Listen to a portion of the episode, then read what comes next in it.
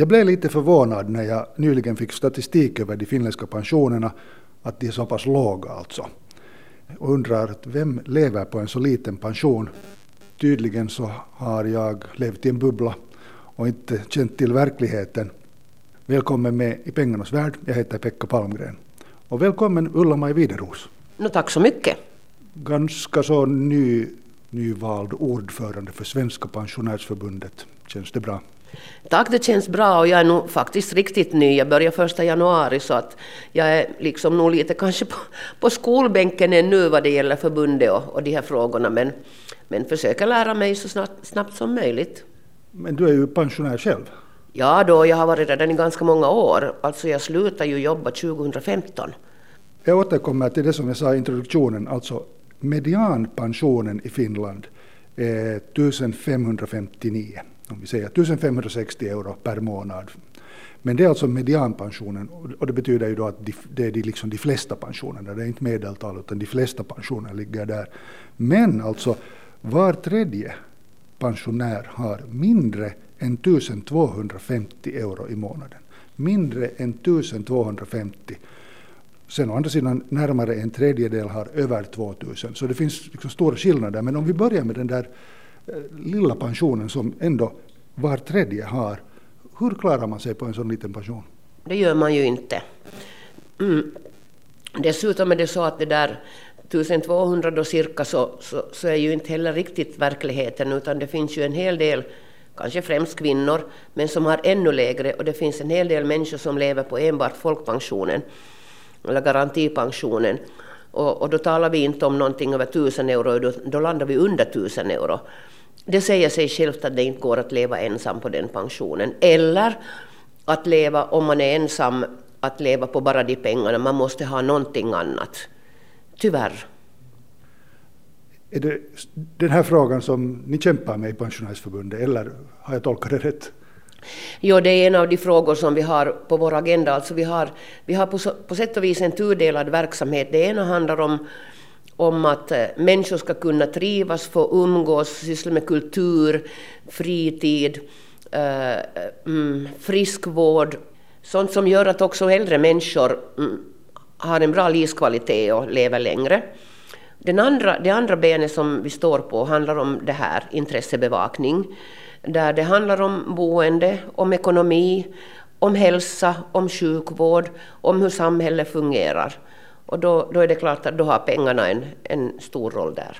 Jag tänkte att vi skulle prata om pengar eh, och ha både ett mikroperspektiv och ett makroperspektiv, det vill säga att vi skulle tala uttryckligen om pensionärens möjligheter att klara sig på småsummor och överhuvudtaget om skillnader i pensionen mellan män och kvinnor och mellan olika grupper. Vi ska komma in på det här. Och sen också på makronivå, för det talas ju också om att samhället inte kommer att klara av att ha så mycket pensionärer inom snar framtid. Det har det talats om länge de facto, så länge jag kommer ihåg. Eh, och orsaken är ju den att prognosen ser ju ut så att ni pensionärer blir flera och vi som arbetar blir färre och det här går inte ihop. Så jag tänkte vi skulle tala om allt det här. Men om vi börjar med det att jag som om några år ska gå i pension så har fått rådet att man ska förbereda sig på en ny livssituation, man ska vara medveten om att inkomsterna sjunker och inte bara för att man ska lämna bort lyx utan också för att man måste ha liksom en buffert. Nu kommer jag ju själv ihåg som 40-åring att vad brydde jag mig? Nå, inte speciellt mycket. Och det var avlägset, det var långt borta. Ehm, jag hade föräldrar som var aktiva i förvärvslivet och jobbade och så här. Det syntes inte någonstans att det var en annan tid på kommande. Man såg inte det. Sen kommer den. Och då är det precis som du säger att um, över en natt så har ens inkomst ju radikalt minskat. Och om man inte har tänkt på det där, nu får vi ju arbets, vi får ju pensionsutdrag och sånt här, att om man, om man på något sätt ändå tänker efter och tittar på de här siffrorna, det är inte trevligt, det är det inte att se på dem, men det är den verklighet som, som du och andra har ändå framför sig, där jag ju redan är, och många med mig. Eh, så det kan man påverka själv eh, genom att förbereda sig. Den som är där jag är, så är det ju för sent. Då är det andra saker som gäller för oss som är inne i det här pensionsröret redan. Jag funderar på det att borde man alltså ha en frivillig privat pensionsförsäkring? Det är ingen dålig idé och, och, och börjar man tillräckligt ung med det så är ju avgifterna inte speciellt höga. Du klarar dig med, med en hyfsad, hyfsad avgift per år om du börjar i tid. Och ju senare du börjar desto mer måste du betala in. Alltså, kvinnor har betydligt sämre pension. Mm. Jag menar, livet är fortfarande orättvist. Och det kommer att vara mycket länge så. Ehm, bakgrunden är, är, är, egentligen inte svår att förstå och den är, den är ju förstås ganska talande. Vem har varit hemma och skött barn? Vem har tagit ut föräldraledigheten? Vem har varit jordbrukarhustrur utan lön? Många av dem lever fortfarande för att vi lever så hemskt mycket längre. Vem är det som har lägre lön i arbetslivet? Och, och, och det, det, betyder alltså eftersom fortfarande kvinnornas lön är så pass mycket lägre så kommer vi inte ur den här skillnaden heller i pensionssystemet. Utan det följs ju åt det här hela tiden. Så vill man rätta till, vi nuvarande pensionärer kommer aldrig att få den här rättvisan. Mm. Men vill man rätta till det här så ska man hastigt och lustigt se till att kvinnornas lön är i samma nivå som männens. För att det påverkar sen kvinnornas pension, men mycket långt i framtiden. Du nämnde en grupp som jag inte har tänkt på, jordbrukarhustrur som inte har haft lön och som inte får någon pension då, eller va? Eller hur funkar det? Mm, folkpension. Ja. Det har ju varit så längs med historien och ganska naturligt ute på landsbygden att att man har haft ett jordbruk där mannen har jobbat med, med, med, med det tunga jordbruket så att säga och, och lyft den där jordbrukarlönen medan, medan frun ganska automatiskt har skött liksom de mera lätta jobben kanske på, på, på bondgården, skött barnen, sett till att de har haft mat på bordet, mm, kuska av och an till fritidsintressen och så, eh, utan lön. Det har varit liksom en gemensam, ett gemensamt jordbrukarföretag där den ena har lyft lönen. Eh, idag är det ju faktiskt annorlunda. Där många jordbrukarhustrur mm, är, jobbar på bank, är lärare, butiksbiträden och har alltså ett eget yrke. Så det här, det här kommer att på något sätt att jämna ut sig så småningom. Men vi har ännu kvar sådana som, som har, har levt på det gemensamma så att säga. Du som nu nybliven ordförande för Svenska pensionsförbundet, har du konkreta exempel på hur det kan se ut? Ja, alltså i all enkelhet så handlar det ju om att någondera parten blir ensam. Helt enkelt. Och, och i, i, den mån det handlar om kvinnor som, som då har använt föräldraledigheten och varit hemma i många år så är det klart att det syns på kontot. Och då, då handlar det naturligtvis om att, att kan man bo kvar i bostaden? Uh, hur mycket får man ändra på sin livsstil uh, när det gäller till exempel resande? Eh, fritidsintressen, vad har man råd med i det skedet? Och, och tyvärr så, så inträder ju någon form av ensamhet som, som ehm, en konsekvens av att man blir annars ensam som person. Men på grund av de här konsekvenserna med mindre pengar, mindre möjligheter, så blir det en annan form av ensamhet också. Om vi tittar på statistiken så ser vi att eh, de största pensionerna i Finland betalades i Nyland. Månadspensionen i genomsnitt, alltså då medeltal 2110 euro. Det är förstås ingen överraskning att det är i Nyland och i genomsnitt minsta pensionerna 1551 i södra Österbotten. Och sen då, som man kan gissa, i Grankulla eh, så är det helt andra siffror. Eh, 3212 en medelpension. Så här ser man att det finns jättestora, jättestora eh, skillnader regionalt. Och Finlands lägsta medelpension, alltså i söder, södra Österbotten i Storå, 1312 medelpensioner. Vad, vad väcker det för tankar hos dig? Det speglar samhället av idag eh, och, och hur, hur samhället har varit. Det vill säga var, var, var finns de högavlönade yrkena? Uh, var är det man, man, man har jobbat med annat än med, med, uh, med de här högavlönade yrkena? Var, var kanske kommunala arbetsplatser som inte är högavlönade är, eh, utbredda på landsbygden där man är beroende av, av den kommunala servicen på ett helt annat sätt, inte kan utnyttja privat service och så vidare. Um, småföretagandet på landsbygden uh, där man uh, nu kanske inte gör de stora pengarna men, men man livnär sig och man lever ett hyggligt gott liv. Mm, men uh, sen syns det i pensionen. Sen syns det. Mm. Sen till den här frågan om utgifterna. Pensionsutgifterna är nära 33 miljarder euro i Finland. Eh, det här är då förstås på årsnivå. Får du dåligt samvete nu Ulla-Maj? Nej. Nej, det får jag inte. Um, är inte liksom pensionärerna en stor belastning för, för Finland? Nej, det är de inte. För att vi har, vi har ju, nu ska man, man måste ju tänka liksom lite djupare och längre än så här. När jag började arbeta som 17-18-åring så var min arbetsförtjänst inte grund för pension. Utan det blev det först när jag blev 23. Så jag har arbetat ett antal år eh, och betalat in, men det var inte grund för min pension. Eh, så där har jag nog gjort mitt. Då, var, då vi var hemma och, och, då vi studerade så var inte heller det grund för, för pension. Dagens, I dagens samhälle så är studier som leder till en examen, eh, det att man är hemma och sköter barn, så är grund för pension. Så det kommer att bli lite bättre på sikt. Det blir inte bra, men lite bättre. Eh, samhället kommer nog att klara det här. Uh, men det betyder nog att vi som nu är i pensionsröret inte kanske ska kräva så hemskt mycket. Och nu blir någon väldigt arg ja.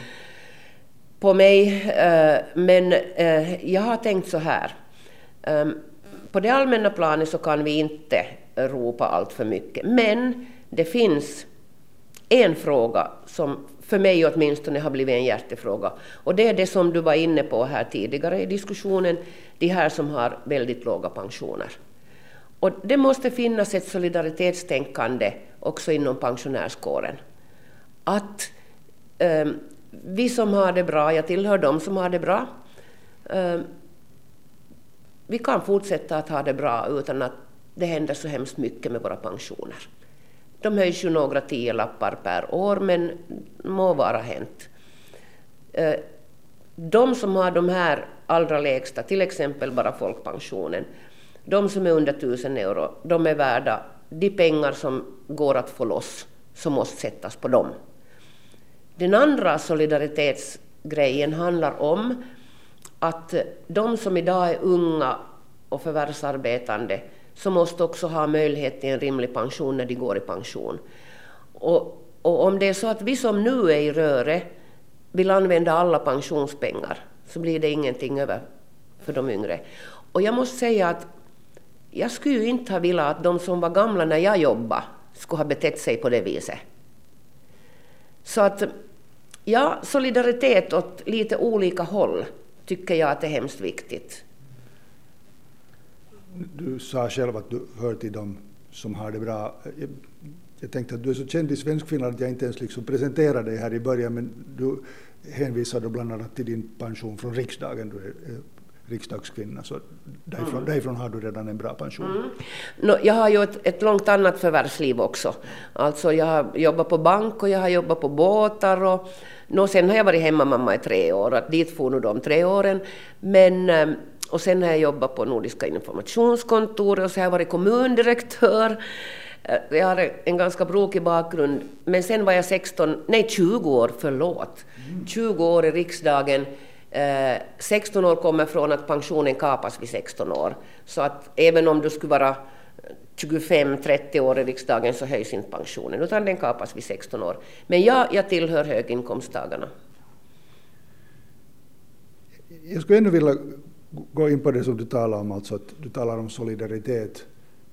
Men går det att få ihop den här ekvationen nu när vi, när vi blir allt färre som förvärvsarbetar och allt fler som lever länge och är pensionärer? Liksom, på något vis det känns som en så omöjlig nöt att knäcka det här. Jag ser ingen, är det så att vi måste ta in nu snabbt 100 000, eh, förlåt, en miljon människor från några andra länder, unga människor som börjar jobba?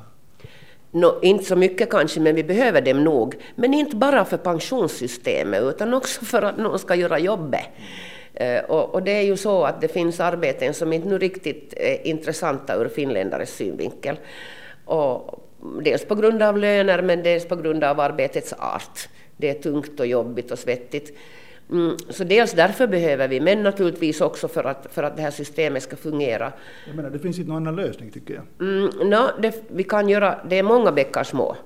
Uh, nu har man ju faktiskt gjort några bra saker. En som jag tycker är väldigt tilltalande uh, är att uh, du kan gå i pension vid 65 men du får fortsätta jobba och du, du straffas inte med lägre pension men du betalar in fortsättningsvis.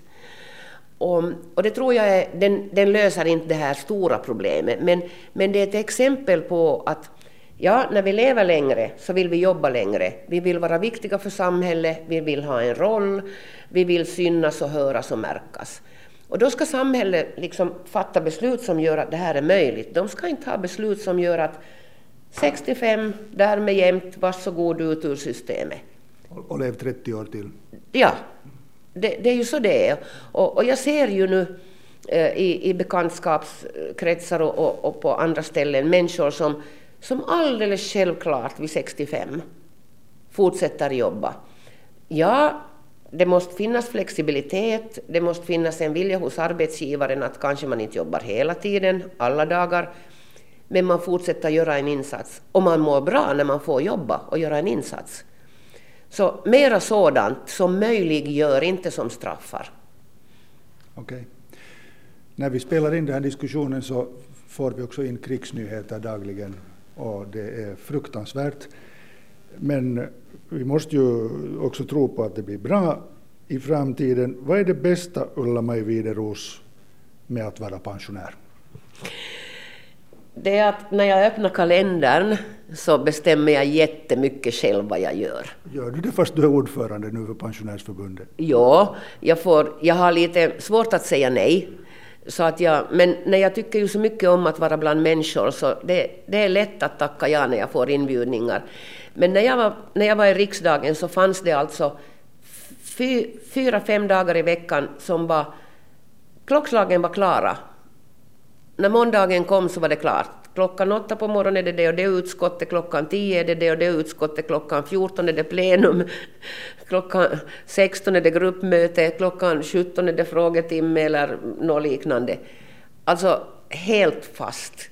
Ja, jag tycker om rutiner, men men nu älskar jag en, en kalender där jag kan lite flytta på saker och ting och kan lite resa och hälsa på barnbarn. Och, mm, det är nog bra nu.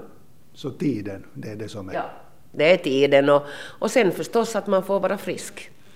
Att nu, nu, nu är det ju bara så när man är, när man är 70 som jag är så, så är kroppen inte en, en 30-årings. Uh, eh, det behövs lite blodtrycksmedicin och, no, jo, jag har gått igenom en, en stor hjärtoperation som ju sätter sina spår i kroppen. Tack och lov har vi en jättebra sjukvård som gör att, att, um, att de förlänger våra liv ganska mycket. Men, men uh, om man accepterar det här att det händer saker och ting med ens kropp och att man um, tänker lite långsammare, man är lite långsammare på gatan, så är livet nog riktigt njutbart. Tack för att du var med i Pengarnas värld, Ulla-Maj Wideros. Tack så mycket. God fortsättning på våren.